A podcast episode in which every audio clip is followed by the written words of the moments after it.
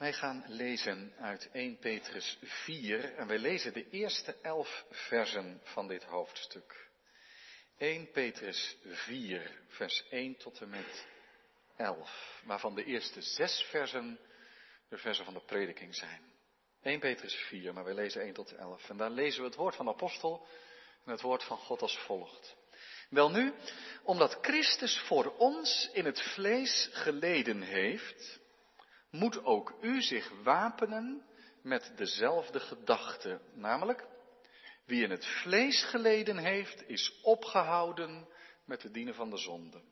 Om nu, in de tijd die ons nog overblijft in het vlees, niet meer naar de begeerten van mensen, maar naar de wil van God te leven. Want wij hebben de voorgaande tijd van ons leven lang genoeg de wil van de heidenen gedaan en gewandeld in uitingen van losbandigheid, van begeerten, dronkenschap, zwelgpartijen, drinkgelagen en allerlei walgelijke afgoderij. Daarbij bevreemdt het hun dat u niet meeloopt in dezelfde uitbarsting van losbandigheid en zij belasteren u. Maar zij zullen rekenschap moeten afleggen aan Hem die gereed staat om de levenden en de doden te oordelen. Want daartoe is aan de doden het evangelie verkondigd, opdat zij wel geoordeeld werden naar de mens in het vlees, maar ook zouden leven naar God in de geest. En het einde van alle dingen is nabij. Wees daarom bezonnen en nuchter in de gebeden. Maar heb voor alles vurige liefde voor elkaar, want de liefde zal een menigte van zonde bedekken. Wees gastvrij voor elkaar, zonder morren. Laat ieder de anderen dienen met de genadegave zoals hij die ontvangen heeft, als goede beheerders van de veelsoortige genade van God. Als iemand spreekt, dan als iemand die de woorden van God spreekt. Als iemand dient, dan als iemand die dient uit kracht die God schenkt. Zodat God in alles verheerlijkt wordt door Jezus Christus. Hem komt de heerlijkheid en de kracht toe tot in alle eeuwigheid. Amen. De tekst voor de prediking is 1 Petrus 4, de eerste zes versen dus. De eerste zes versen heeft u een Bijbel bij u, houdt er zeker bij. Dan volgt u de lijn wat van dit gedeelte. 1 Petrus 4, 1 tot en met 6. Gemeente van de Heer Jezus Christus hier en ook thuis. Tegen de stroom inzwemmen is behoorlijk ingewikkeld. Of tegen de stroom in bewegen sowieso. Ik weet niet of je het wel eens meegemaakt heeft. Ik op school bijvoorbeeld. Zijn er wel eens van, van die momenten dat de school uitgaat en jij moet precies van het plein naar de derde verdieping, ik noem maar iets. Nou, ik geef het je te doen op die trappen hoor. Iedereen gaat één kant op en jij moet zien dat je die andere kant op gaat. Dat is lastig. Meegaan met de stroom is veel gemakkelijker. Ik wist dat niet, ik dacht dat maar voor sommige vissen gold, maar vissen hebben de reflex om tegen de stroom in te willen zwemmen. Dus als je een vis, heb ik me laten vertellen door uh, Wikipedia, heel belangrijk. Hè? Dus als je een vis aan de andere kant van een gemaal wil krijgen, dan maak je een beetje een stroom in het water en die vis denkt, daar moet ik tegenin. En zo krijg je hem aan de andere kant. Dat is natuurlijk fascinerend, hè? Dat vissen de neiging hebben om tegen de stroom in te gaan, behalve dode vissen natuurlijk. Die doen dat eigenlijk nooit. Die gaan altijd met de stroom mee. Nu, Petrus zegt in dit gedeelte, een christen gaat tegen de stroom in. Moet je wel voor leven, hè? Levende vissen gaan tegen de stroom in. Een christen gaat tegen de stroom in en dat is niet gemakkelijk. Hoe ervaart u dat eigenlijk? Ervaren wij tegenstroom? Dat kan op heel verschillende manieren. Maar ik denk dat als we al een tijdje met de Heer wandelen, dat je dat echt herkent. Het is zo makkelijk om met de massa mee te gaan. Daar hoef je geen moeite voor te doen. Dat is geen strijd. als je de Heer Jezus wil volgen en in zijn voetspoor gaan, dan ga je tegen de stroom in en dat kost wel moeite. Dat roept natuurlijk ook de vraag op, in hoeverre zijn we anders dan de mensen om ons heen? Die een andere geloof hebben of geen geloof hebben. Goed, veel dingen zijn hetzelfde. Dat is natuurlijk zo. We leven niet in elke punt en komma anders. We leven ook in deze straten, in deze steden, doen onze boodschappen op dezelfde plekken en rijden in dezelfde auto's. Nou ja, tot op zekere hoogte misschien. Misschien wel wijs dat dat ook wat anders is. Maar goed, onze levens lijken er natuurlijk wel wat op. En toch, bekering tot God heeft plaats in het leven van een christen. Je gaat afrekenen met de zonde. Je bent er klaar mee. Dat wil niet zeggen dat je natuurlijk een zondig bent en zonde doet. En dat kan lastig genoeg zijn, een hele strijd. En toch ben je er klaar mee, want je wil een andere Heer en Meester dienen. Namelijk Hij die zijn leven heeft gegeven voor je zonde. Maar zo te leven is niet eenvoudig, is niet gemakkelijk. Dat is strijd, dat gaat met vreugde en dat gaat ook met de nodige moeite. Nu, ik heb eh, het thema meegegeven aan de preek. Leven volgens Gods wil is niet gemakkelijk. Maar ik realiseer me nu, dat is niet zo'n heel vrolijk thema. Hè?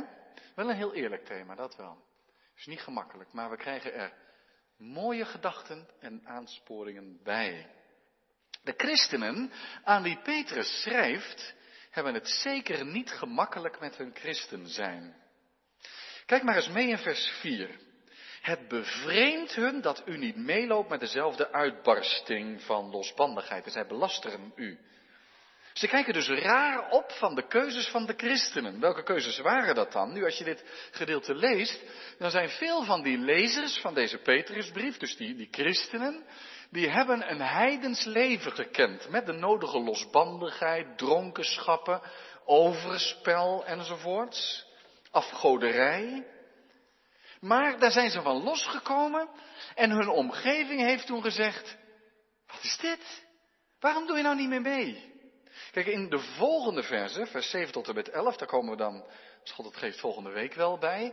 Dan zullen we zien hoe je dan positief als christen leeft, wat je dan allemaal wel doet. Maar in deze verse, vers 1 tot en met 6, valt dus de nadruk op wat je eigenlijk gaat laten als christen. Dat je echt anders gaat leven dan je vorige leven, toen je nog beheerst werd door het heidendom, door heidense menselijke begeerten en niet de wil van God.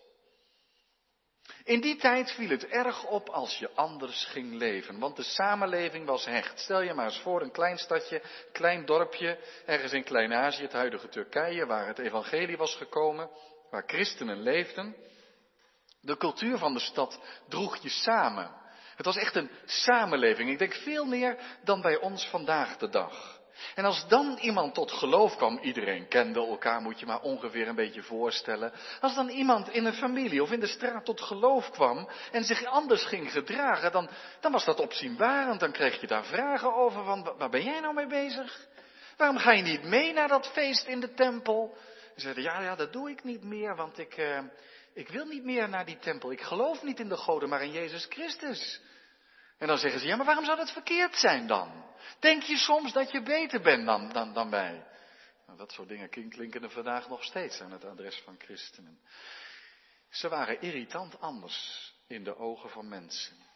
En als je tegen de stroom ingaat, roept dat reacties op. Zij belasteren u dus. Dat gaat nog verder dan ze vinden u vreemd. Ze vreemd opkijken, nou ja, ja, moet je zelf weten, ieder moet zijn eigen ding maar doen, weet je wel. Nee, ze belasteren u. Het was tegen het zere been. En dat heeft ook dit mee te maken, als in die tijd de oogst mislukte, dan wat leverde dat voor zo'n stadje of dorpje een behoorlijke vraag op. Hoe komt dat, dat de goden ons dit aandoen? En dan heb je er een paar in, de, in, in je stad wonen die een tijdje al niet naar de tempel zijn gegaan en gezegd hebben, ik geloof niet in de goden. En die krijgen de schuld. Een natuurramp, een aardbeving. Dan heb je niet meegedaan om de goden tevreden te stellen. Kun je een beetje voorstellen wat voor druk dat gaf op de christenen? Dus het is niet een kwestie van, je mag geloven wat je wil, iedereen moet dat zelf weten. In die samenleving was dat helemaal niet zo vanzelfsprekend. Ze waren niet alleen spelbrekers, ze waren ook gevaarlijke spelbrekers. Begrijp je dan dat Petrus in zijn brief daar aandacht aan besteedt. Dat hij zegt, ja, leven naar de wil van God is niet makkelijk. Je moet tegen de stroom in, je krijgt mensen tegen je. Je moet, je, je moet liever lijden dan je laten verleiden. Liever lijden dan de zonde. Stelt ons wel de vraag, hè? Hoe is dat dan bij ons, in onze samenleving? Ik zei al van, volgens mij zit onze samenleving anders in elkaar. Een van de grote problemen van onze maatschappij is dat we elkaar natuurlijk gewoon losgelaten hebben. Het kan gebeuren dat iemand in je stad, bij wijze van spreken, of in je straat het heel moeilijk heeft en, en je weet het niet. Soms is er heel weinig contact met elkaar. En als het er is, is het al gauw ieder zijn ding, ieder zijn eigenheid. Samenhang in de samenleving is minder. Maar ook bij ons valt tegen de stroom ingaan beslist niet altijd in de smaak. Er is meer onverschilligheid over elkaar dan in die samenleving. En misschien zeg je ook van ja, maar zo'n losbandig leven zoals in deze teksten wordt geschilderd, dat herken ik ook niet. Ook niet om mij heen bij niet-gelovigen herken ik dat. Anders zijn als christen valt niet altijd op. Misschien denk je wel eens bij jezelf, viel het maar wat meer op. En toch heeft de apostel Petrus in dit gedeelte ook aan ons veel te zeggen. Drie dingen. En dan heb je eigenlijk vers 1 en 2. Wapen je met een gedachte. Vers 3 en 4. Denk aan je bekering. En vers 5 en 6, denk aan het oordeel van God. Dat zijn drie gedachten die Petrus de, de gelovigen, de christenen meegeeft en die voor ons ook van heel groot belang zijn.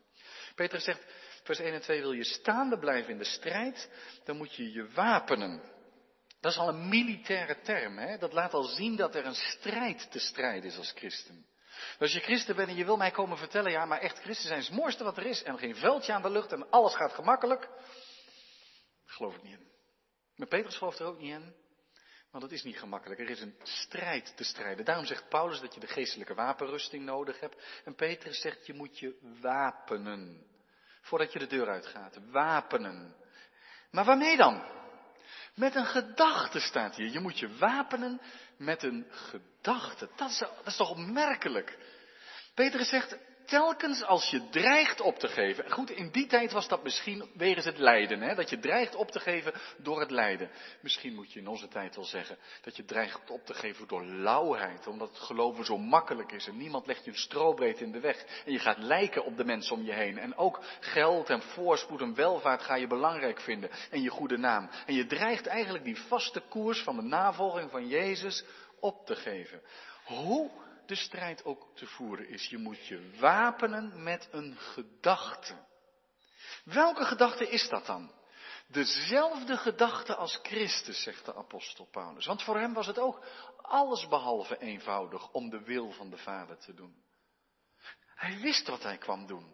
En hij heeft dat vastberaden gedaan. Maar je hoeft alleen maar aan Gethsemane te denken om te weten hoe hij daarmee geworsteld heeft. Vader, als het mogelijk is, laat die drinkbeker aan mij voorbij gaan. Wat heeft hij er tegen opgezien? Om te gaan lijden en sterven. Maar deze gedachte vult zijn hart. Vader, ik wil dat niet mijn wil gedaan wordt, maar uw wil. Want dat is waartoe ik gekomen ben. Dat is de gedachte die Christus vervult. De eer van zijn vader, de gehoorzaamheid aan de vader, de wil van zijn vader. En die gedachte heeft Jezus Christus gaande gehouden onderweg naar Golgotha. En met dat hij gesteund door die gedachte naar het kruis is gegaan, heeft hij afgerekend met de zonde. Hij heeft de zonde gebroken in zijn macht. Hij heeft de zonde gebroken in zijn beschuldiging. Hij heeft vergeving gegeven. Wapen je met diezelfde gedachte. Christus heeft in zijn aardse bestaan in het vlees geleden. En als jij lijden moet omdat je Jezus volgt, dan moet je eigenlijk die gedachte diep in je opsluiten. Christus heeft geleden en hij heeft zo zwaar moeten lijden. Het onrecht, de slagen, de fysieke pijn, de innerlijke verlating, de duisternis, de heldse macht. Hij heeft het alles moeten ondergaan om de zonde te verzoenen. Om vergeving te geven. Om mij te bevrijden van dat oude zondige leven. Snap je al een beetje hoe het werkt? Als die gedachte bij je is en je dreigt op te geven, dat juist die gedachte je nieuwe moed, nieuwe kracht kan geven om toch weer op te staan, om achter de Heer Jezus aan te gaan. Hoe kan ik de zonde dan nog doen? Hoe kan ik de zonde dan nog dienen? Mag die gedachte ook niet bij mij zijn dat het moeite mag kosten om tegen de stroom in te gaan in dit leven? En eigenlijk zegt Petrus dan, als jullie dan ook lijden, omdat je Jezus volgt, is dat niet een bevestiging? Betekent dat, zoals natuurlijk het lijden van Christus uniek, hè? Maar zoals Hij geleden heeft en daarmee afgerekend heeft met de zonde, wil je zo in zijn schoenen gaan staan. Dat als jij moet lijden, dat je dan ook denkt, dat komt omdat ik klaar ben met de zonde. En juist door dat lijden ben ik nog steeds meer klaar met de zonde. En dat is echt waar. Hoe meer christenen lijden omwille van de navolging van Christus, hoe standvastiger christenen worden in de navolging doorgaans. Andersom herkennen we het toch ook.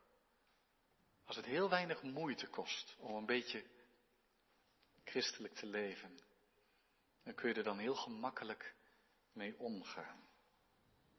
Wapen je met die gedachte. Mijn vader, ik wil uw wil doen. En ik wil ook afgerekend hebben met de zonde, er klaar mee zijn. Ik hou van Jezus en niet van de zonde. Herken je dat?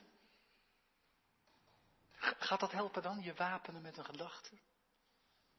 Nou, twee dingen, twee momenten. Je wordt s'morgens wakker. Duwt je wekker uit. Je gaat op de rand van je bed zitten. En je neemt één minuut de tijd om die gedachte binnen te laten komen. Dank u, Heer, voor wat u voor mij hebt gedaan aan het kruis. Eén minuut is niet veel. Eén minuutje om aan die gedachte te denken, wat hem bewogen heeft dat alles te doen. Maakt dat verschil? Dan wapen je met de liefde van Christus. Je wapent je met diezelfde gedachte dat Christus geleden heeft in dit aardse bestaan.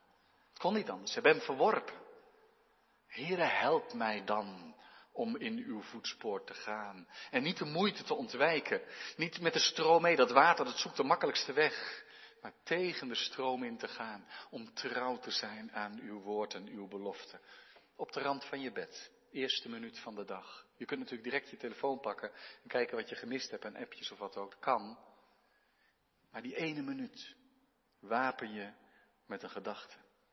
En, en dan op een ander moment gaandeweg de dag. Of misschien zelfs wel een langere periode in je leven. Dat je op een gegeven moment merkt, ik, ik weet dat ik, wat ik doe, dat het niet goed is. Het trekt zo aan, er is verleiding in mijn leven. Ik, ik weet, ik moet het niet doen, maar nou, ik wil er eigenlijk niet tegen strijden. Want het is ook zo mooi, het is zo aantrekkelijk. En, en die innerlijke strijd, en de duistere kant van die innerlijke strijd lijkt te winnen. Dat is een moment om stil te staan. Eén minuut, misschien wel twee, misschien wel drie misschien meer. Om je te wapenen met de gedachte dat Christus geleden heeft zo zwaar voor onze zonde. Wij gaan avondmaal vieren straks. Dan staan wij stil bij die gedachte van Christus, bij dat offer wat hij heeft gebracht. Is dat ook niet wat het avondmaal doet? Dat we rust vinden in het offer, het volbrachte werk van de Heer Jezus. Maar ook dat we nieuwe kracht ontvangen om zijn wil te doen. Op te staan in dat nieuwe leven. Kan het verschil maken, die gedachte? Reken maar. Wapen jezelf met de gedachte van Jezus Christus. Tweede, vers 3 en 4. Denk aan je bekering. Weet u een bekering nog? Ik vind dat een lastige vraag, want ik ben christelijk opgevoed. Al ken ik wel momenten dat er iets open is gegaan van binnen. Maar Petrus herinnert de christenen eraan dat ze lang genoeg staat er een tijd verbeuzeld hebben in de zonde in het heidendom. Ze hebben lang genoeg, zegt die heidens, geleefd. Zinloos. Het doel van God met je leven missend. Wat is dat heidensleven? Dat is leven, staat hier, naar de begeerten van mensen, vers 2 nog, en niet naar de wil van God. Dat is heidensleven. Want, zegt vers 3, wij hebben de voorgaande tijd, dus voordat we tot geloof kwamen, lang genoeg de wil van de heidenen gedaan. Met de stroom mee. En gewandeld In uitingen van losbandigheid, allerlei seksuele zonden, uitspattingen, begeerten, namelijk je doet gewoon wat je hartje ingeeft, er staat geen rem op, wat je fijn vindt en leuk vindt, dat doe je gewoon. Dronkenschap, hoef ik niet uit te leggen, denk ik. Zwelgpartijen, dus drinkgelagen enzovoorts. Nou ja, dat vullen elkaar aan, die woorden. Feesten, waarin de bedoeling is dat je niet heel, helemaal recht naar huis kan lopen, zeg maar. En allerlei walgelijke afgoderij in de tempels. Want ja, het waren allemaal heel godsdienstige mensen, maar die goden konden er ook wat van. En wilde je de god Bacchus vereren, dan kon je jezelf maar helemaal dronken drinken. Dan eerde je de god van de wijn het meest. En bij heel veel tempels had je tempelprostitutie. Dus wilde je de goden eren, dan kon je inderdaad de remmen losmaken. In die tijd was het heel gewoon dus. En de mensen zeiden tegen de christenen die op een gegeven moment zeggen, wij kunnen niet meer meedoen. Wat is er nou verkeerd aan? En dan zeiden die christenen, omdat onze God dat niet wil. Hoezo niet? Heeft God een hekel aan feestvreugde dan? Mag je niet eens lekker je laten gaan? Nou, aan feestvreugde heeft onze God geen gebrek. Hij geeft zelfs een diepere vreugde. Maar jezelf laten gaan is volgens heel de Bijbel een buitengewoon slecht idee. Want ons hart is zondig. En remmen los betekent niet dat je de goede kant op glijdt. Echt niet. Daarom wordt een van de vruchten van de geest ook zelfbeheersing genoemd. Moet je over nadenken. Christelijk leven betekent dus dat je jezelf in de hand probeert te houden met de kracht van God.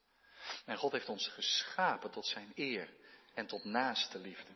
En als je je laat gaan in allerlei dronkenschap enzovoorts, dan verlies je je verstand. Ga je domme dingen doen. Ga je dingen zeggen die niet bij Gods heilige wil passen. Je moet juist nuchter en bezonnen zijn om te waken in de gebeden.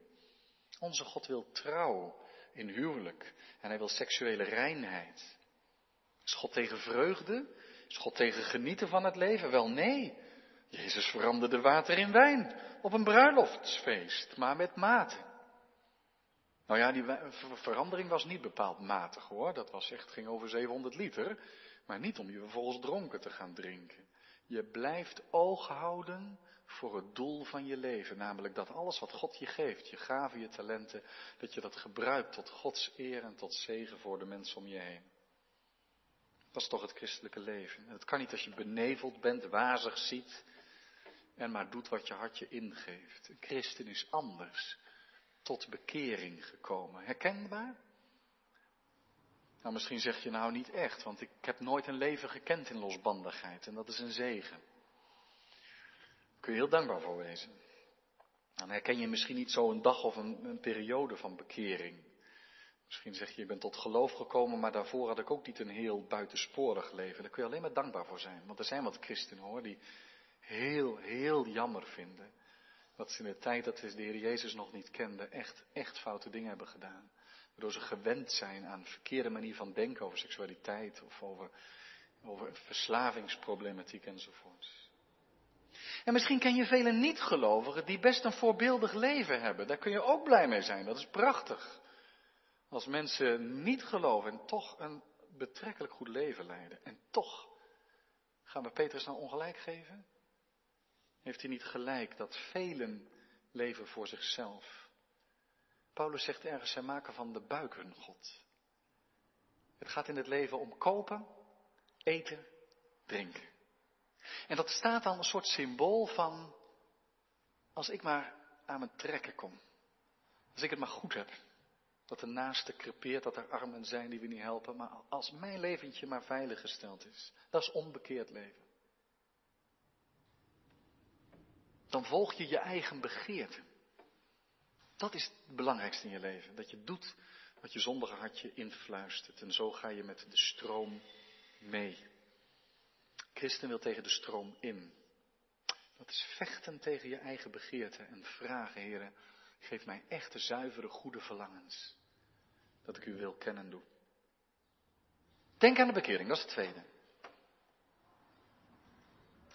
Dan drie, denk aan het oordeel van God. En daarover gaat vers 5 en 6. Zij zullen rekenschap moeten afleggen aan Hem die gereed staat om te oordelen de levenden en de doden. Wie gelooft dat nog? Er zijn vele christenen die deze gedachte van het oordeel ook achter zich willen laten. Petrus niet. Die zegt juist tegen mensen die hier geen recht krijgen, die hier benadeeld worden om hun geloof, vervolging ondervinden, die zich geven in de dienst van de Heer en het kost wat, dan zegt Petrus, maar vergis je niet, dit leven is even. Eh, u kent dat verhaal toch wel, hè? Dat wordt dan wel eens een beetje verteld van, let op de echo. Iemand riep eens in de put, leven, even. Sterven, erven. En, maar dat is het wel. Hoe kijk je tegen het leven aan? Het leven is belangrijk en er is veel te genieten. Maar als christen weten we dat we onderweg zijn. Dat, daar is tafelmaal ook voor. Onderweg. Voedsel voor onderweg. Want dit is het laatste niet. We verwachten naar zijn belofte nieuwe hemelen, nieuwe aarde waarop gerechtigheid woont. En daarom voelen we ons hier niet helemaal thuis. Daarom zien we ernaar uit. En als mensen ons benadelen en zouden vervolgen, of je komt in de verleiding, je hebt een hele strijd om het goede te doen, denk ook aan het oordeel. Aan welke kant staan we? Wij wachten op de vrijspraak van God, de heilige God, voor wie wij niet kunnen bestaan. Maar door het offer van de Heer Jezus Christus, waarvan we proeven, smaken mogen hoe goed de Heer is, dan kunnen we voor Hem bestaan en mogen we ingaan in het eeuwige leven. Wil je dan ruilen met iemand die God niet kent en prachtig door het leven gaat? En zij moeten met hun dronkenschap en afgoderij en dat leven rondom je eigen ik, zij moeten straks voor God staan en je moet er gewoon niet aan denken. Hoe kun je dan rekenschap geven? Dan zegt God, wat heb je nou met de adem gedaan die ik je gegeven heb? Wat heb je gedaan met de gaven en talenten die ik je gegeven heb tot mijn eer? Wat heb je gedaan met je leven? Wat heb je met mijn schepping gedaan? Wat heb je met mijn schepselen gedaan? Wat heb je met mijn mensen gedaan? Als je dan alleen maar om jezelf geleefd hebt, dan gaat het niet goed aflopen, zegt de apostel. Ook daar moet je eens aan denken, zegt Petrus. Als het moeilijk wordt om Jezus te volgen. Want echt, vers 6 lijkt een moeilijke tekst, maar dat valt wel mee hoor. Want echt, daartoe is aan de doden het evangelie verkondigd, opdat ze wel geoordeeld zouden worden naar de mens. Over welke doden gaat het hier? Ik denk over gestorven gelovigen, die in de tijd van het leven, hun leven, het evangelie gehoord hebben. Ze zijn tot geloof gekomen, ze zijn door de mensen verguisd, veroordeeld, verworpen. Raar ben je met je, met je geloof. En zo zijn ze gestorven en iedereen die eromheen stond zegt dat een, een ongelooflijk dom leven. Je gaat vervolging ondergaan omdat je Jezus volgt, je geeft weg van wat je hebt om God te dienen. En dan sterf je en dan is de koek op, dan is alles over. Dan heb je niet eenmaal handig gedaan in het leven. Paulus zegt, ja, als het daarna niks zou zijn, zouden we de ellendigste van alle mensen zijn. Maar daarna is er ook nog iets. Het oordeel van God en het eeuwige leven. En die mensen, die doden die tijdens hun leven het evangelie hebben gehoord. En door de mensen verworpen zijn, veroordeeld. Maar zij leven door de geest bij God. Wil je dat nooit vergeten? Mag dat ons hele leven weer even in perspectief zetten? En daar gaat het avondmaal ook over. Het is een bemoediging voor onderweg. Het fundament van ons leven is Christus in zijn lijden en sterven. En dat je hebt mogen afrekenen met de zonde omdat Hij dat heeft gedaan. Help mij om U te dienen, ook als het moeilijk is. Nu, hoe staan we in het leven? Vraag ik aan U en aan jou. Met de stroom mee? Lekker dobberen? Leven zoals het fijn voelt? als een dode vis, meegevoerd of levend. Tegen de stroom in. Niet gemakkelijk. De Heere weet dat. En zegt maar, ik ga je vandaag laten proeven van mijn goedheid. Zodat je er weer tegen kunt. Zodat je verder mag. Op de weg achter de Heer Jezus aan. Amen.